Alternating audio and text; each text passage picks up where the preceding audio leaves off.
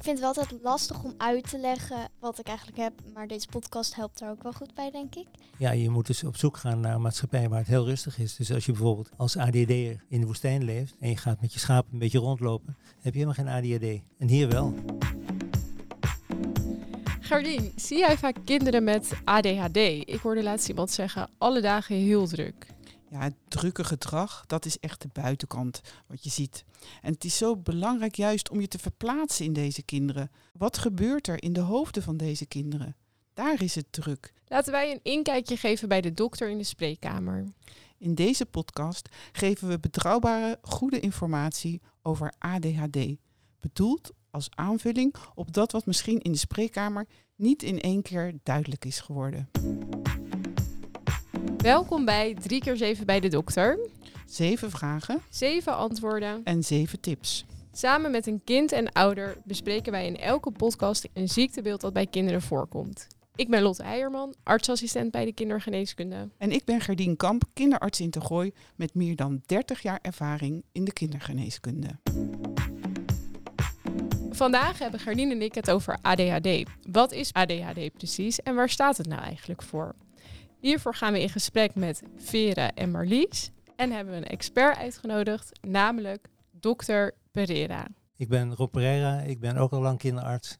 Eerst in het ziekenhuis en later polyklinisch. En dan vooral hou ik me bezig met sociale pediatrie, zoals het heet. En dat is bijvoorbeeld ADHD, autisme en dat soort aandoeningen.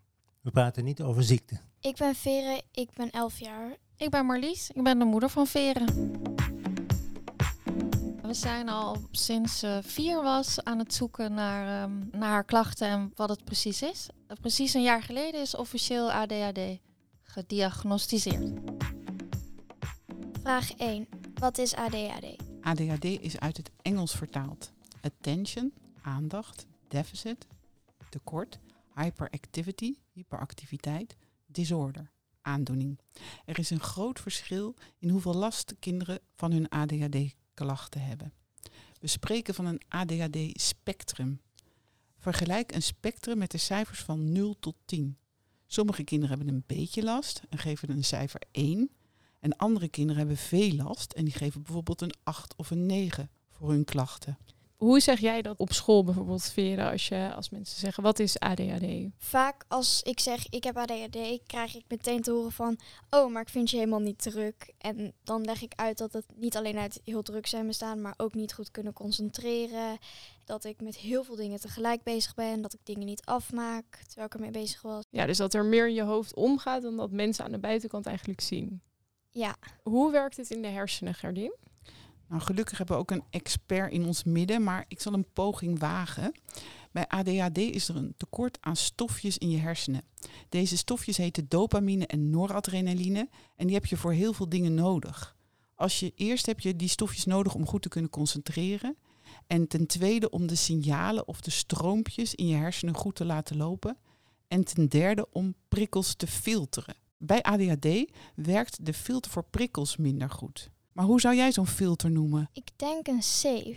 Als hij niet zo goed werkt, geeft hij gewoon alles mee. En dan blijven minder belangrijke dingen niet weg. Maar als hij wel goed werkt, blijven de minder belangrijke dingen wel weg. En als die zeef niet goed werkt, dan krijg je onrust in je hoofd, chaos in je hoofd. Ik word meestal, kan ik me gewoon niet meer concentreren. Dan zie ik bijvoorbeeld een vogeltje buiten vliegen. En dan ga ik me er van alles en nog wat bij voorstellen. Gewoon een heel verhaal erbij denken bijvoorbeeld. Rob, kun jij wat meer vertellen wat er in die hersenen gebeurt? Het gaat dus over chemische stoffen. En het gaat vooral ook om de relatie tussen de omstandigheden waar je in zit, dus de omgeving, en wat je hebt meegekregen in je erfelijkheid. Dus als het heel rustig is en het is interessant, dan gaat het vaak veel beter dan wanneer het heel druk is en het is saai. Dus als je een hele leuke leerkracht hebt, dan gaat het veel beter dan wanneer je een saaie leerkracht hebt. Als je in een rustige kamer zit, gaat het ook veel beter. Het is niet altijd zo dat die zeef helemaal niet werkt, maar gewoon voor de onbelangrijke en saaie dingen doet hij het niet zo goed. Maar dan is het niet meteen dat de leerkracht slecht is, maar gewoon voor mij niet goed. Precies, hij is voor jou niet goed.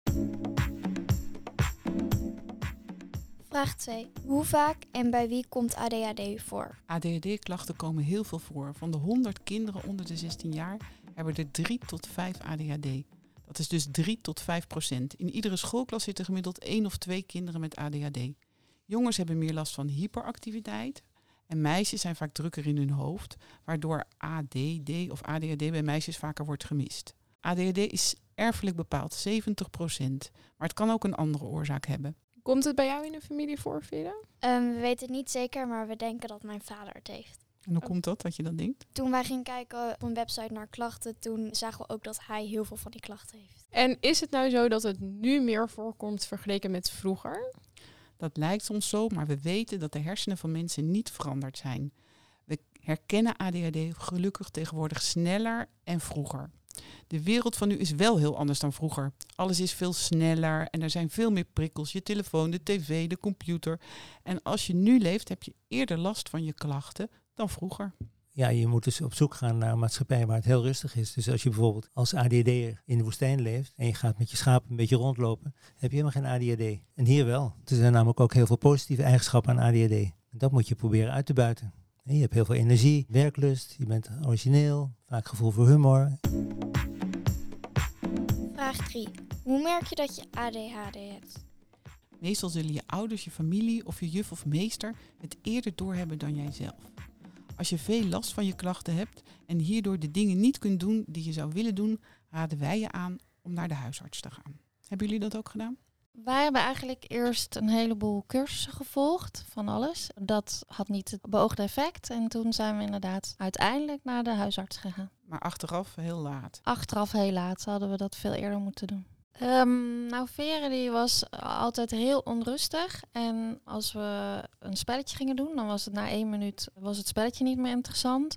Er moest eigenlijk continu de hele dag door uh, iets verzonnen worden, omdat uh, ze die uitdaging zocht. En, en omdat ze zich niet kon concentreren. En daarnaast was ze ook heel gevoelig. Dus kon s'avonds nooit slapen en ze zat met heel veel dingen in haar hoofd. Dat waren eigenlijk vooral de, de kenmerken. Wat zijn ADHD-klachten eigenlijk? Zoals de naam het al zegt, hebben die klachten te maken met je aandacht en met je hyperactiviteit. Je aandacht ergens bijhouden, je concentreren is voor jou een uitdaging.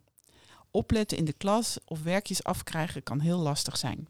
Hyperactiviteit. Je voelt je onrustig en je bent druk. Dit gevoel kan in je hoofd zitten of je ziet het aan de buitenkant en heb je moeite met stilzitten. Maar ik zie nu dat jij heel goed stil zit. Soms ben je ook impulsief. Dan heb je de dingen al gedaan voordat je er goed over hebt nagedacht. Um, soms met bakken, dan staat er bijvoorbeeld dat alles in één keer erin moet, maar dat je het wel op een bepaalde volgorde moet doen en dat het anders misgaat. Maar dan heb ik al zoiets van, okay, alles moet erin, in één keer erin, huppakee, klaar. Nou, mensen om je heen begrijpen dit niet altijd goed, die impulsiviteit. Gelukkig barst jij, dat zei Rob net ook al, van de energie en je bent creatief en je zit vol met ideeën. Dus problemen met ADHD komen het meest voor in de periode dat je naar school gaat, want dan moet je stilzitten en leren. Als je gaat werken, kun je een baan kiezen die goed bij je past en dan gaat het vaak een stuk beter beetje. Vraag 4. Hoe weet de dokter dat je ADHD hebt? De dokter kijkt naar je symptomen, dus je, je eigenschappen en wat je laat zien. Als je het helemaal officieel doet, dan heb je een vragenlijst en dan ga je die symptomen ga je allemaal optellen. Als je dan voldoende punten hebt, dan val je in de categorie mensen die ADHD zouden kunnen hebben. Nou, dan moet je nog kijken of er een andere oorzaak is. Als je ehm, een hele erge ziekte hebt, of je hebt heel veel ellendige dingen meegemaakt, dan kan het ook wel zijn dat je bijvoorbeeld heel dromerig bent. En dan telt het niet als de gewone ADHD. En dan uiteindelijk krijg je dus wat we dan noemen een beschrijvende diagnose. Je hebt symptomen en dat heet ADHD. Maar het is geen ziekte. En hoe was dat om te horen, Veerde, toen hij zei tegen jou, dat is ADHD? Ik heb het al best lang, dus eigenlijk het hoorde gewoon bij mij. Ik had niet echt iets van, oké, okay, ik heb ADHD heel erg. Vraag 5. Wat kun je eraan doen als je ADHD hebt? Als je ADHD-klachten hebt, kun je geholpen worden door psycho-educatie. Dit zijn trainingen voor jou, je ouders en je juf of meester. En soms krijg je ook medicatie, pillen. Psycho-educatie is eigenlijk heel belangrijk. Dat is namelijk uitleggen wat er gebeurt in je hoofd en wat je eraan kan doen. Adviezen over hoe je het beste kan werken op je kamer, hoe je het beste kan zitten op school, of je voor of achter in de klas moet zitten. Je krijgt ook een advies om een leuke leraar te nemen, maar dat lukt niet altijd. Een andere school te kiezen soms. We vertellen ook altijd bij psycho-educatie wat alle mogelijkheden zijn van behandeling. En complimenten zijn heel belangrijk, hè? Absoluut, ja. Je moet dus heel positief proberen te zijn. Want veel kinderen die hebben eigenlijk als het ware een soort schade opgelopen op school omdat er veel te veel negativiteit was. Even nog over de hulpmiddelen. Ja, we hebben nu in de klas een soort van. Dit is een soort boek die je kan openslaan en die kan je om je heen zetten. En dan kijk je eigenlijk gewoon tegen een soort van crème wit muren aan en daar is niets op te zien. En dat helpt. Ja, dan kijk ik niet zo snel meer om me heen. En Als ik dan ga kijken, dan heb ik zoiets van, ja, hier valt niets te zien, ik ga maar weer werken. Hoe zit het met de pillen, de medicatie bij ADHD? De huisarts, de kinderarts of de kinderpsychiater kunnen pillen geven. Medicatie kan helpen om je beter te concentreren of om minder druk in je hoofd te zijn en minder snel boos of verdrietig. Medicatie wordt alleen gegeven als jij en je ouders dat ook willen en als je veel last hebt van je ADHD-klachten. Er zijn verschillende pillen. Sommige werken kort en andere werken langer. Er wordt altijd eerst gestart met een proefbehandeling. Samen met je dokter kijk je of de pillen voor jou goed werken en wanneer je die pillen nodig hebt. Dat hebben wij ook gedaan, toch? Maar toen kreeg ze alle bijwerkingen eigenlijk. Ze raakte heel erg in paniek. In eerste instantie kon ze niet goed slapen. De eetlust nam af. Dat heeft, ja, ik denk ongeveer zeven tot tien dagen geduurd. Dat lijkt me best schrikken als ouders als je dat ziet bij je kind. Hoe ga je er dan mee om? Je denkt, nu zijn we er en dan krijg je dus dat. Nou ja, je denkt, we houden het nog even vol. Maar ik heb ook de arts wel één of twee keer gebeld in die tijd. Dus het is echt wel dat je denkt, help. Maar we hebben doorgezet en toen ging het ja, na tien dagen ongeveer heel goed. En hoe werkt dat dan, Gerdien? Want ik kan me voorstellen dat je als ouder denkt... help, wat gebeurt er? Moeten we hier niet nu direct mee stoppen? Hoe ga je daar als kinderarts mee om? We altijd in het begin heel veel contact en we leggen uit de werking van de pillen, hè, waarvoor we ze geven. En dat probeer ik zo goed mogelijk aan het kind uit te leggen. En ik leg ook de hoeveelheid uit, de dosis, en dat je zelf weet of je kortwerkende of langwerkende pillen hebt. En ook hoeveel, want eh, ik wil graag dat je dat zelf weet. Dan gaan we later beslissen hoe we verder gaan. Wanneer neem je nu die pillen? Ik neem ze ochtends bij het ontbijt, op school ehm, bij lunch. Twee keer per dag. Neem je het ook in het weekend? Als ik 's ochtends hockey heb, wel, want dat is gewoon fijn om te concentreren. Maar dan 's middags niet en op zondag sowieso niet. Hoe vindt u dat de medicatie werkt? Heel goed. Ik merk duidelijk dat ze dan rustiger in haar hoofd is. Dus dat ze zich kan concentreren op haar, wat ze dan aan het doen is. En we waren best bang of ze niet meer haar spontane zelf zou zijn. Of ze de creativiteit zou verliezen. En al haar ideeën. Maar die zijn nog even sterk, soms zelfs sterker. Wij zijn er heel blij mee. Wat is nou het grote verschil tussen als je wel of geen pil hebt? Dat ik met allemaal andere dingen bezig ben, maar dan wat ik me eigenlijk mee bezig zou moeten zijn. Maar je hebt geen nadelen van de pillen. Ja, soms kan ik nog steeds niet heel goed in slaap komen, maar dat is denk ik het enige. Wat zou je daar tegen kunnen doen als kinderen last hebben van toch al slaapproblemen? Moeite hebben om in slaap te komen? We beginnen altijd met het noemen van slaaphygiëne. Dus dat betekent dat je aan het eind van de dag niet woeste dingen moet gaan doen, niet op je schermpjes gaat kijken. Zeker twee of drie uur van tevoren je schermpjes uit moet zetten. Dat je gewoon rustig een boek moet lezen, een spelletje spelen. Een cooling down, zou ik maar zeggen, aan het eind van de dag. En als het dan nog niet gaat, dan zijn er ook kinderen die heel goed baat hebben bij melatonine. En melatonine is een pilletje, die neem je dan voor het Dat is ook een slapen pilletje, gaan? ja. En je kan het gewoon met een drogist kopen nog. Rob heeft verteld dat sommige kinderen zich niet zichzelf voelen of soms juist verdrietig worden of down worden van de pillen. En dat je dan meteen contact op moet nemen met je dokter en dat je dan moet stoppen en naar een andere oplossing gaat zoeken samen met je dokter. Maar er bestaat ook zoiets als een rebound effect. Wat is dat, Rob? Een rebound is dat het plotseling uitgewerkt is. En dat is meestal dus eh, aan het eind van de dag, in de middag. En dan, als plotseling uit is gewerkt, dan kan je bijvoorbeeld heel prikkelbaar worden. Of je wordt moe, of je krijgt hoofdpijn. Dat zijn eigenlijk de verschijnselen van een rebound. En dat is soms best vervelend, maar soms als je wisselt van pil, dan is dat weg. Als je een langwerkende neemt of een andere soort kortwerkende, kan het opeens weg zijn. En bovendien moet je altijd aan je ouders leren dat als je dan thuis komt van school en je hebt rebound, dat ze dan eventjes niks zeggen. En dat is voor sommige ouders met ADD best moeilijk. Dat heb ik wel soms. Dat ik dan gewoon, als ik op school, dan heb ik het gewoon heel leuk gehad. En dan kom ik thuis en dan krijg je van... Nou, het was precies deze week een paar keer dat ze thuis kwam en heel moe was en heel chagrijnig. En inderdaad zei, laat me even met rust. Ik wil even uitrusten, even niks zeggen. We hebben het nu over psycho-educatie gehad, over medicatie wat je kan geven. Kom je dan nog vaak ook terug bij de dokter? Na de proefbehandeling is het ook heel belangrijk dat je goed contact houdt met je dokter, want je leven verandert steeds en we moeten het steeds aanpassen. Maar verder moet je ook goed letten als dokter of een kind goed blijft eten en goed op gewicht blijft, goed groeit. Bloedonderzoek hoeft niet. Soms moet je een hartfilmpje maken. Dat is als er hartaandoeningen in de familie voorkomen, maar dat is dan vaak aan het begin. We meten ook de bloeddruk. We hebben ook als advies gekregen van kinderpsychiaters dat je heel erg moet oppassen met alternatieve medicijnen. Want niet alles wat in omloop is, werkt ook goed. En de bedoeling is dus dat je uh, elk jaar één keer een weekje stopt met je medicatie om te kijken, heb ik het nog of heb ik het niet? En als het geleidelijk aan over is, nou dat is mooi, dan hoef je geen pillen meer te nemen. Dan krijg je ook geen diagnose meer. Dus je blijft niet altijd een ADHD. Vraag 6. Wat kan ik nog meer verwachten? Als je ouder bent heb je vaak minder last van je ADHD-klachten. Je school of werk is anders, je hebt minder vaak ongelukjes en je hebt geleerd wat bij jou goed werkt. Het is niet zo dat door trainen van je hersenen je hersenen kunnen veranderen, maar je hersenen worden wel ouder en rijper. Pillen kunnen je vaak door een lastige tijd heen helpen. Uit ervaring weten we wanneer je niet goed ingesteld bent op pillen, terwijl dit bij jou wel heel goed werkt, de kans groter is dat je bijvoorbeeld iets anders gaat doen: roken, blowen of gamen. En dit is om maar rust te krijgen in je hoofd. En is het zo dat je door te trainen je hersenen kunt veranderen? Of worden je hersenen ouder en rijper? Hoe leg jij dat uit? Ja, ik leg het inderdaad uit als een soort rijping. Alleen het is niet goed te meten. Dus je kan niet je hersenen doormeten en dan zeggen van nu zie ik dat je 80% uh, eh, rijper bent geworden. Maar dat merk je vanzelf in de praktijk. Maar oefenen dachten ze vroeger dat goed zou helpen. Maar dat blijkt eigenlijk niet echt ook bewezen zinvol te zijn. Snap jij daar iets van, van hersenen die rijpen? Dat je hersenen dan dus langzamerhand meer zich goed kunnen aanpassen of zo aan ADHD.